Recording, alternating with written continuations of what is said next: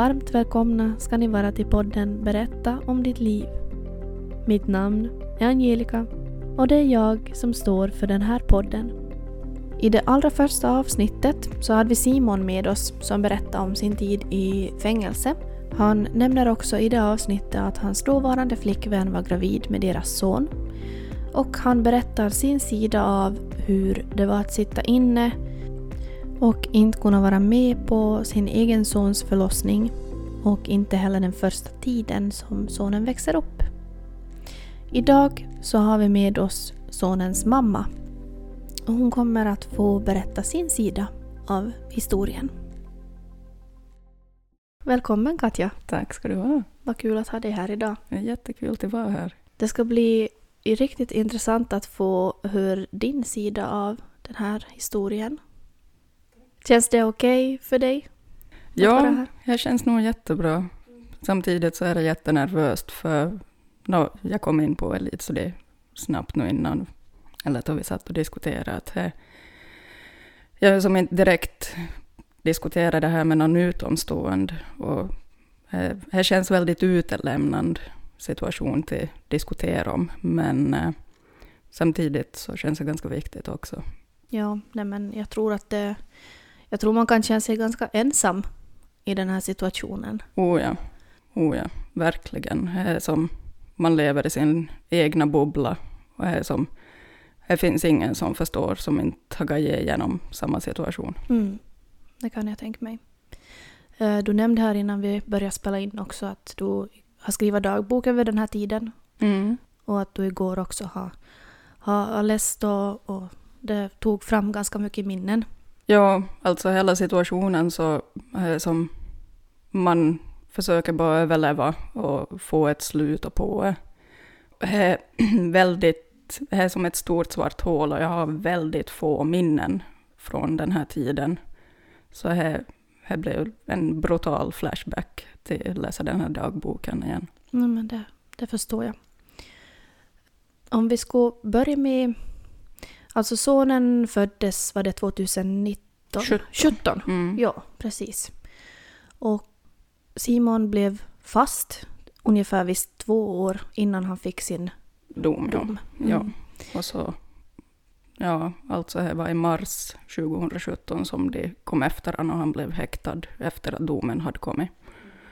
Så de, han hade fått domen och eh, blivit häktad eller liksom efterlyst då, utan att vi visste om det.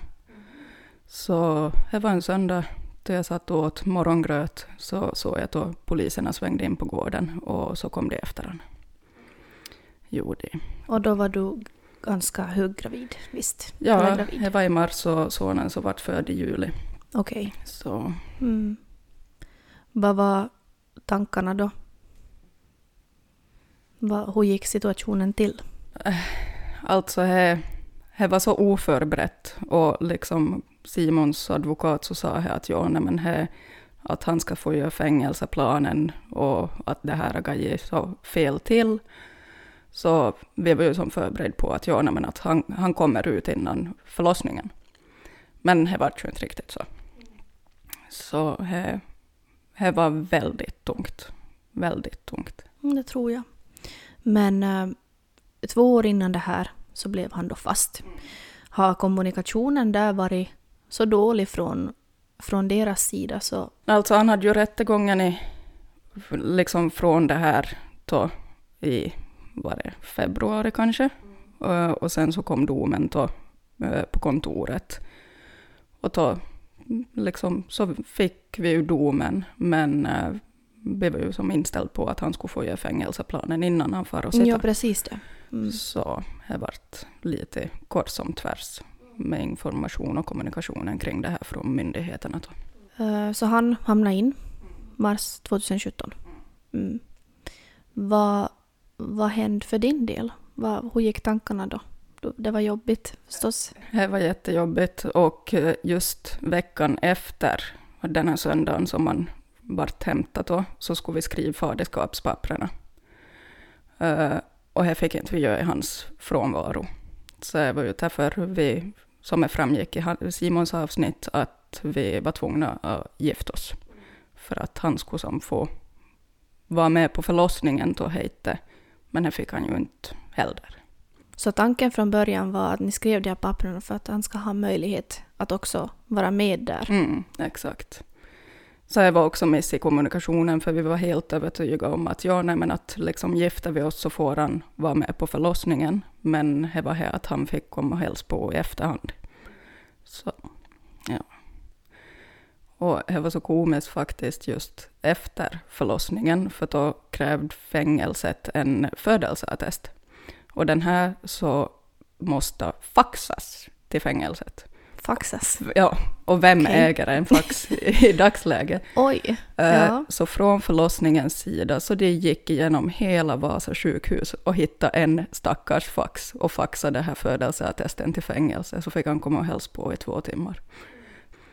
Och jag måste säga, stödet på förlossningen och liksom stödet jag hade kring det, så var otroligt. Det var som ingen, ingen dömd eller någonting, utan det var som allt för att jag och Simon skulle ha en jättebra liksom, upplevelse kring förlossningen. Mm, men vad fint. Så det var jättehärligt var det.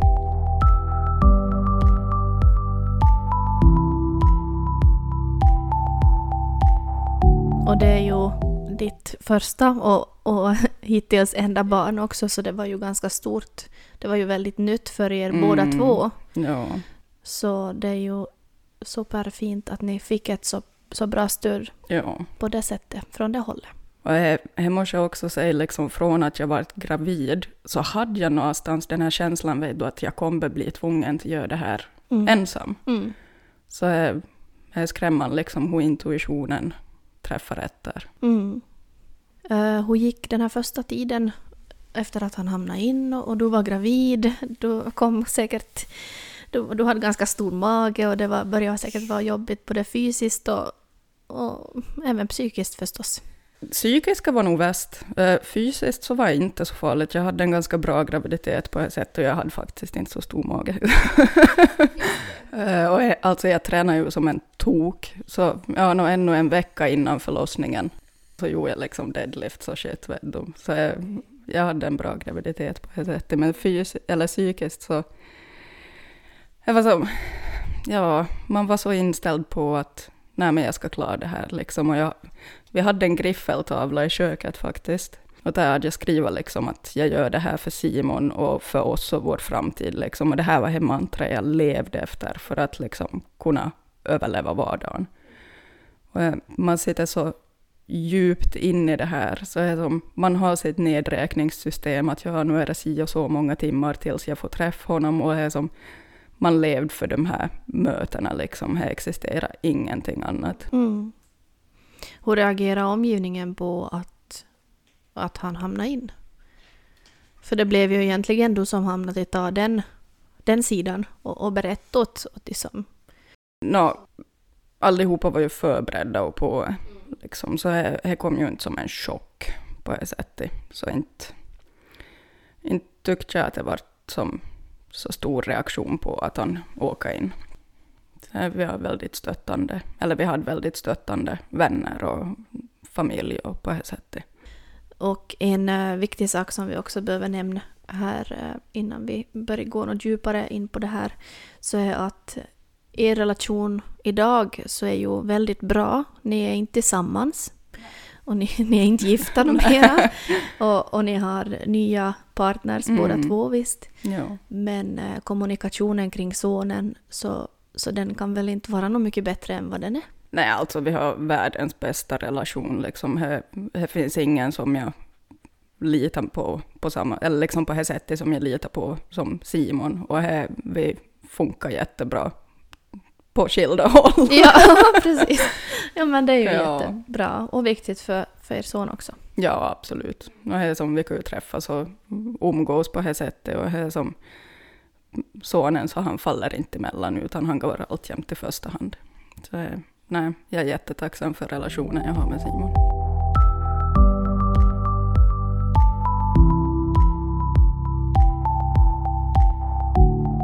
Hur blev kommunikationen efter att han hamnade in?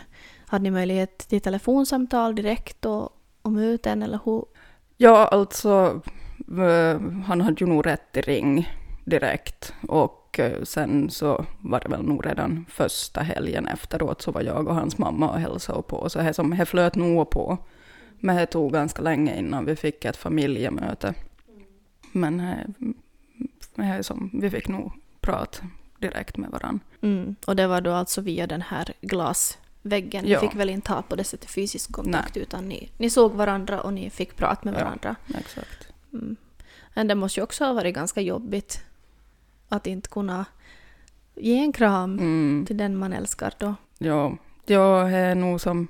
det- man blir nog berövad på oerhört mycket, känns det som.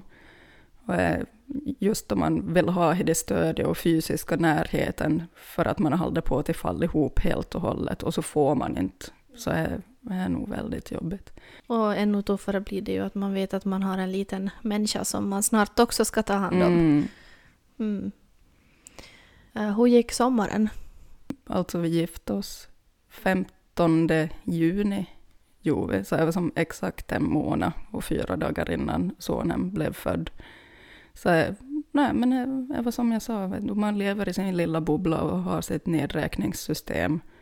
Och det som, man lever bara för de här helgerna då man får träffas och och just de här familjemötena. Mm. Började familjemötena först efter att sonen blev född? Nej, nej, det började nog innan. Måste, men det tog nog en stund innan vi fick, om jag skulle ha varit en och en halv månad eller två månader innan vi fick familjemöte. Och det var då en gång i månaden Ja. eller varannan visst? En gång i månaden. En gång i månaden. Mm. Hur var det då det började närma sig förlossningen?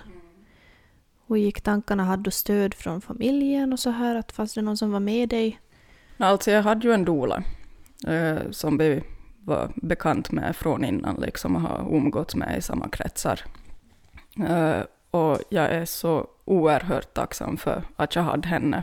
Och det är som hon var ju som med på förlossningen och det var bara jag och hon. Då. Och jag skulle inte klara det utan henne. Och liksom just tiden efter förlossningen. Och det, ja, nej, hon, hon är guld värd. Hon ska ha en massa eloge. Vad roligt. Jag tror att det här med doula så har ju kommit de senaste tio åren kanske. Ja, blivit ja. ganska så här känt att man kan ha med sig den på förlossningen. Och det kan man ju också ha som stöd även fast man har sin partner på förlossningen Ja. eller vem man nu har med sig.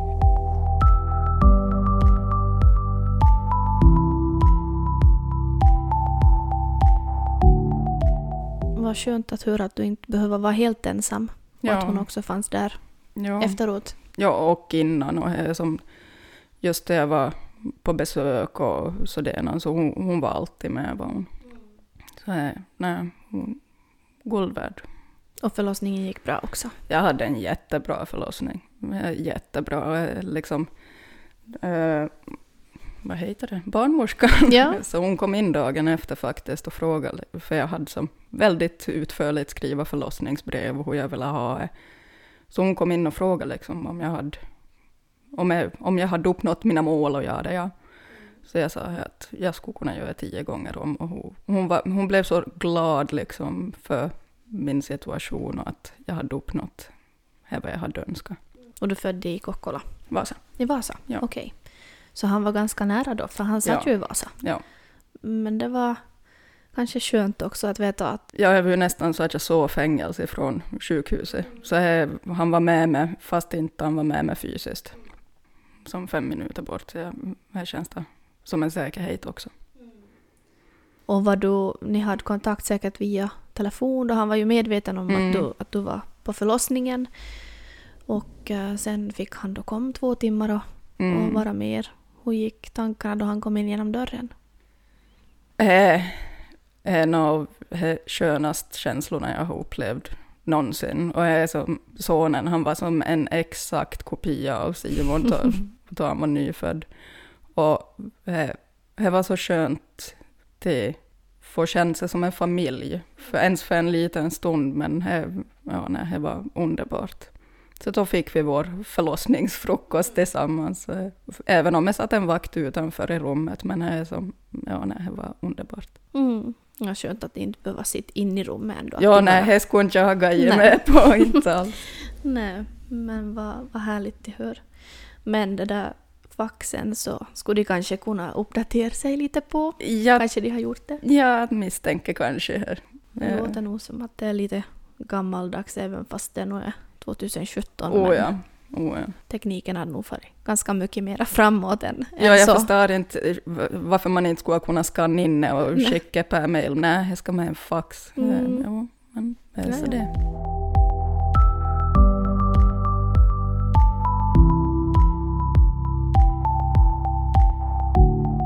Ni slapp hem då från BB efter några dagar. Ja, jag var där i två dagar. Var jag. Så kom Simons mamma och hämtade mig. Så fick hon träffa sonen för första gången. Och jag måste jag också säga, just stödet som jag hade från Simons mamma under den här tiden, så är, jag skulle inte ha klarat mig. Eh, vi sov, eller jag sov där och hon hade ju just förlorat sin man och jag inom situationstecken förlorade min också. Så är, nej, hon, Hon var en viktig person. oh ja, en av de viktigaste. Mm, kanske ännu idag. Ännu idag, absolut. Eh, Även fast jag och Simon är skilda så är, jag räknar nog det här hennes, eller Simons mamma till en av mina närmsta.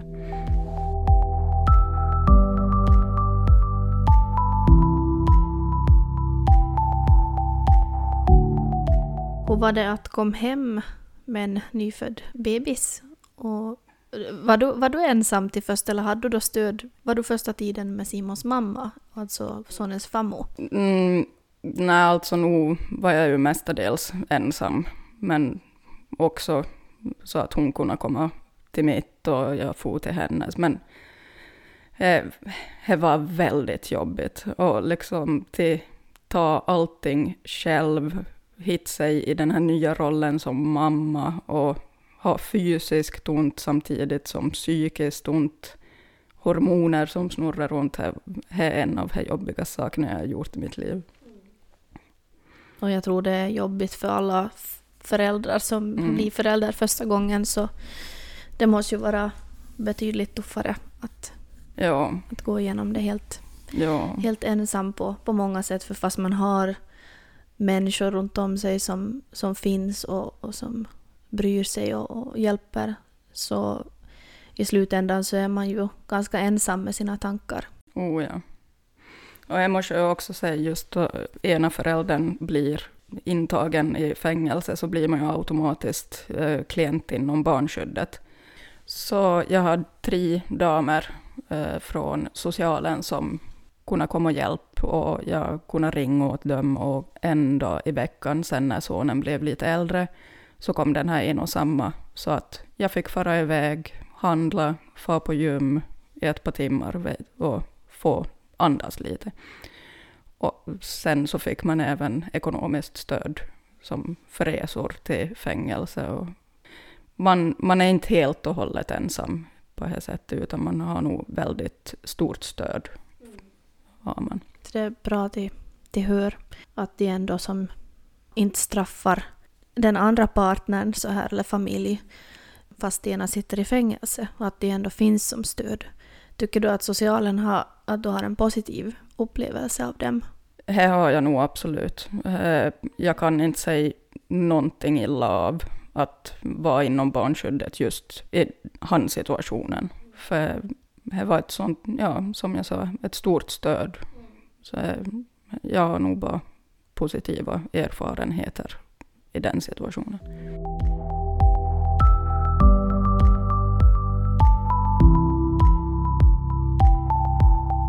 Ni fick er son då juli 2017. Hur lång tid hade Simon kvar att sitta då? Eh, Han kom ut med fotboja var det i augusti, september 2018. Mm, Så- så ett år senare ungefär. Ja. Mm. Så hade han fotboja i ett halvår. Och då kunde ni alltså bo tillsammans? Ja. Ja, precis. Så ungefär ett år så var du så här på egen hand med Mm. sonen. Hur reagerade sonen eh, då pappa kom hem? He- Han var så pass liten så jag skulle inte säga att det varit så stor omställning. Och sen så, jag måste faktiskt börja kolla just de här datumen. Och i mars 2018, vid påsken, så slapp Simon till öppna liksom till Abo. Så han hade ju som börjat komma hem på permissioner och det sätt. Och just, det var som inte så stor omställning för sonen, men jag hade ju mina inkörda system och jag visste hur allting funkar och så när Simon kom hem så var det som hans tur till bli förälder. Så det krockade väl nog ganska, eller mestadels mellan han och mig. Men... Jo, han nämnde någonting också i, i avsnittet där om att det var ganska tufft att bli pappa så här i, mm. i efterhand lite. Men på det sättet så, så var det väl tur i oturen också att han var så pass liten. Att han kunde... Han visste inte om så mycket om världen ännu. Och, och det här Simon hade också en möjlighet att ta den där papparollen faktiskt. Ja, ja men liksom sonen så han är ju uppvuxen på ett bord med plexiglas emellan och blivit tillsagda av vakter att hepp, hepp, hepp, inte över. Och det är ganska svårt att hålla emot en åtta månader så som vill krypa över i det plexiglaset. Men äh, han är ju inte medveten om det, varken då eller i dagsläget. Pratar ni om det så här öppet inför honom idag? Om att han har varit i fängelse eller är det någonting som ni tänkt prata om senare då han blir äldre? För han är idag, är han fem? Ja, han fyller sex i sommar. Sex mm. Nej, det har inte kommit på tal ännu, men mm. inte är det ju någonting som vi gömmer undan på det sättet, men är kanske inte någonting som man diskuterar nej. om att ja, nej men nej, vet du att pappa har varit i fängelse? Nej, precis. Så, men inte är det någonting som vi undan gömmer. Då är välkommen att komma på tal.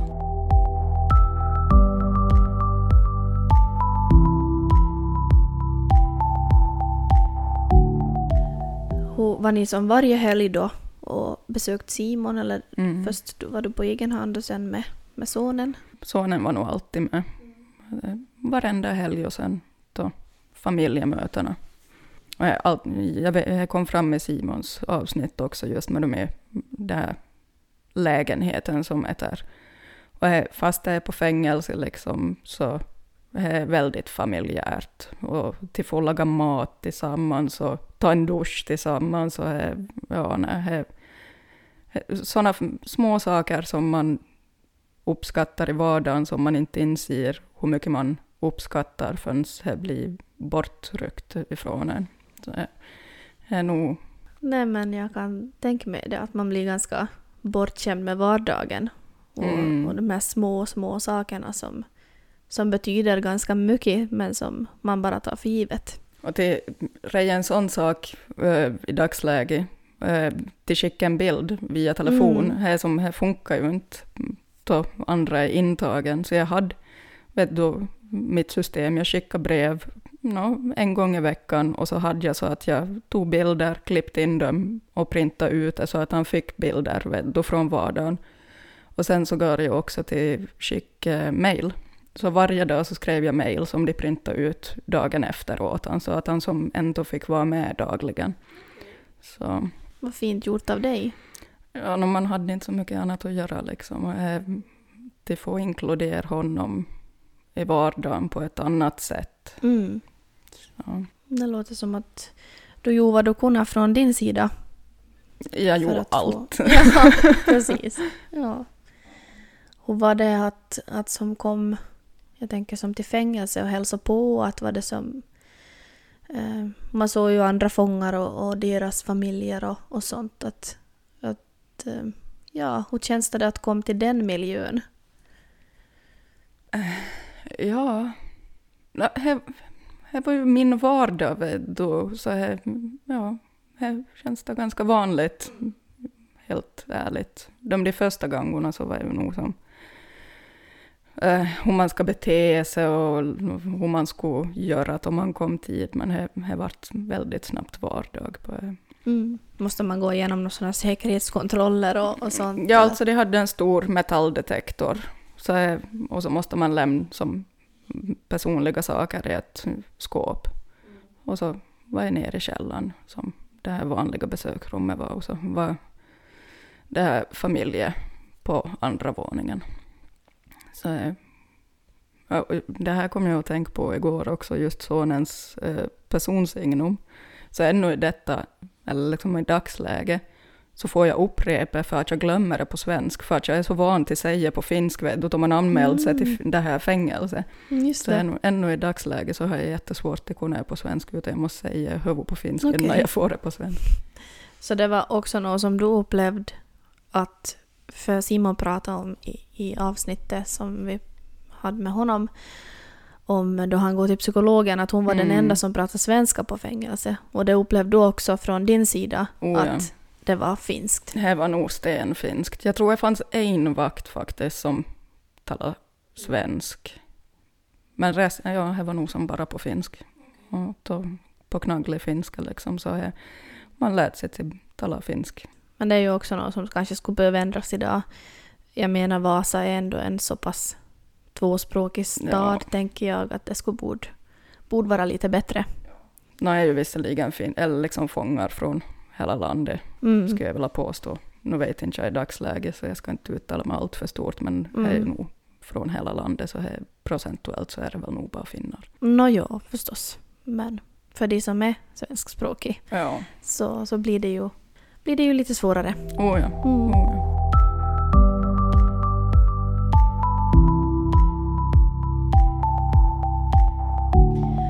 Eh, Du pratade om att du hade då självstöd från, eh, från socialen.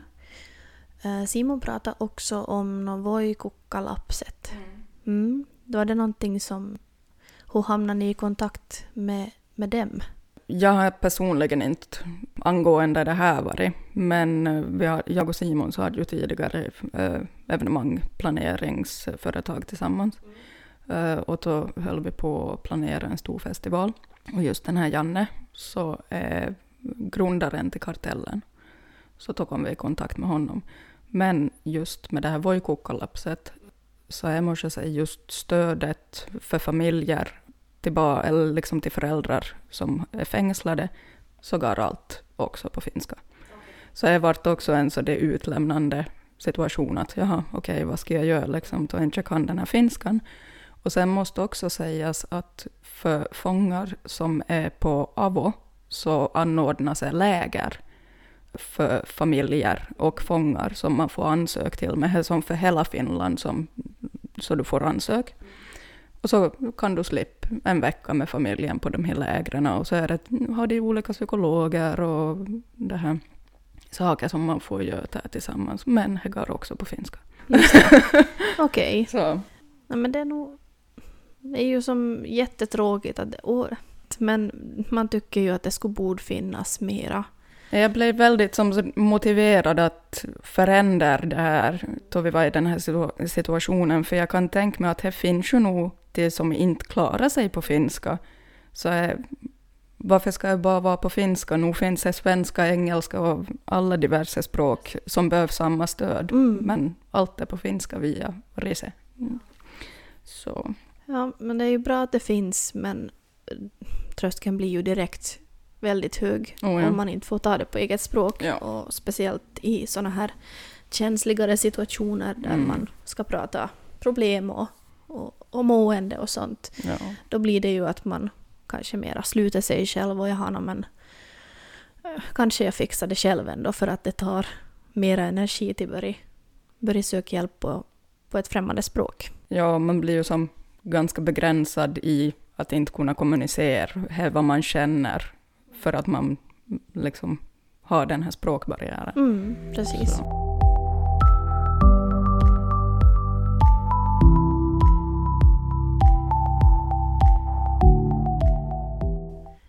Eh, Gick du då i någon eh, typ av terapi efteråt? Nej, eh, det gjorde inte jag. Men så det är dagsläget så inser jag nog att det ska nog vara uppskattat. Eh, jag, jag har säkerligen fått förfrågan från socialen också. Men jag är som, jag vet inte. Eh, under hela den här situationen som jag, jag känner mig så plikttrogen och liksom på det sättet att ja, nej men klarar jag det här så klarar jag vad fan som helst, ursäkta språket. Så jag är som, jag skulle vara stor och på mig och inte känna att jag behöver någon hjälp för jag klarar det här. Men i dagsläget så är jag kan komma ihåg vet du, situationer, jag bodde basically i bilen för att jag pendlade till Vasa konstant, samtidigt som sonen inte sov på typ ett halvår. Så enda sättet att få honom till sova, sova i bilen. Och jag kan få sådana minimala flashbacks att jag har suttit och gråt då vi har varit ute och kör och kände att fan det skulle vara lättare att köra framför en lastbil för att jag orkar inte mer. Och de tankarna ska man ju absolut inte ha och det är kanske en varningsklocka att hej, sök hjälp. Men jag gjorde inte ändå. Mm. Och många gånger då man är i en situation just där det är jobbigt så då blir det ju att man automatiskt slår på någon slags pansar. Eh, någonstans inombords att man, man siktar in sig på, på de mål man, man har och, och härdar ut. Men sen då, då allting lägger sig och man kommer in i, i en bättre vardag så då, då är det ju lätt att man då man går tillbaka och, och det finns ju säkert saker som triggar igång det här som har varit. Och det är väl kanske det som man någonstans ska också må bra av, att då man mår dåligt i stunden så kanske det kan vara bra att söka hjälp, även fast man tror man klarar det själv. För det betyder ju inte att man är svag bara för att man får och pratar med någon, utan det betyder ju bara att man någonstans också tar hand om sig själv. Och det finns ju inte några för små eller för stora saker att prata om då man får och söker hjälp. Nej, och måste jag säga återkommande till det här att stödet som jag hade från Simons mamma, här, jag, jag skulle som sagt inte ha klarat mig och hon fungerar nog mycket som mitt bollplank och mm. stöttepelare. Så här, hon fick agera min psykolog då just. Men om det är någon som hamnar i sån här situation, ta all hjälp som bara erbjuds. Ja, men vad, vad bra att höra åtminstone att du hade stöd i henne. Alltid är det viktigt att ha någon som man inte är helt ensam. För det finns ju säkert många situationer också, personer som har varit i din situation där folk vänder ryggen till och blir kanske dömande och ja, jag vet inte. Ja, vi hade ju nog som turen på det, och jag specifikt, att det var ingen som dömde mig. Eller säkerligen utomstående, he, men det bryr jag mig tusan i liksom. Ja, det behöver man inte bry sig så mycket om. Nej, mm. man hade nog så mycket att ta itu med själv, så det, det finns ingenting som skulle kunna röra mig i ryggen på, i hans situationen.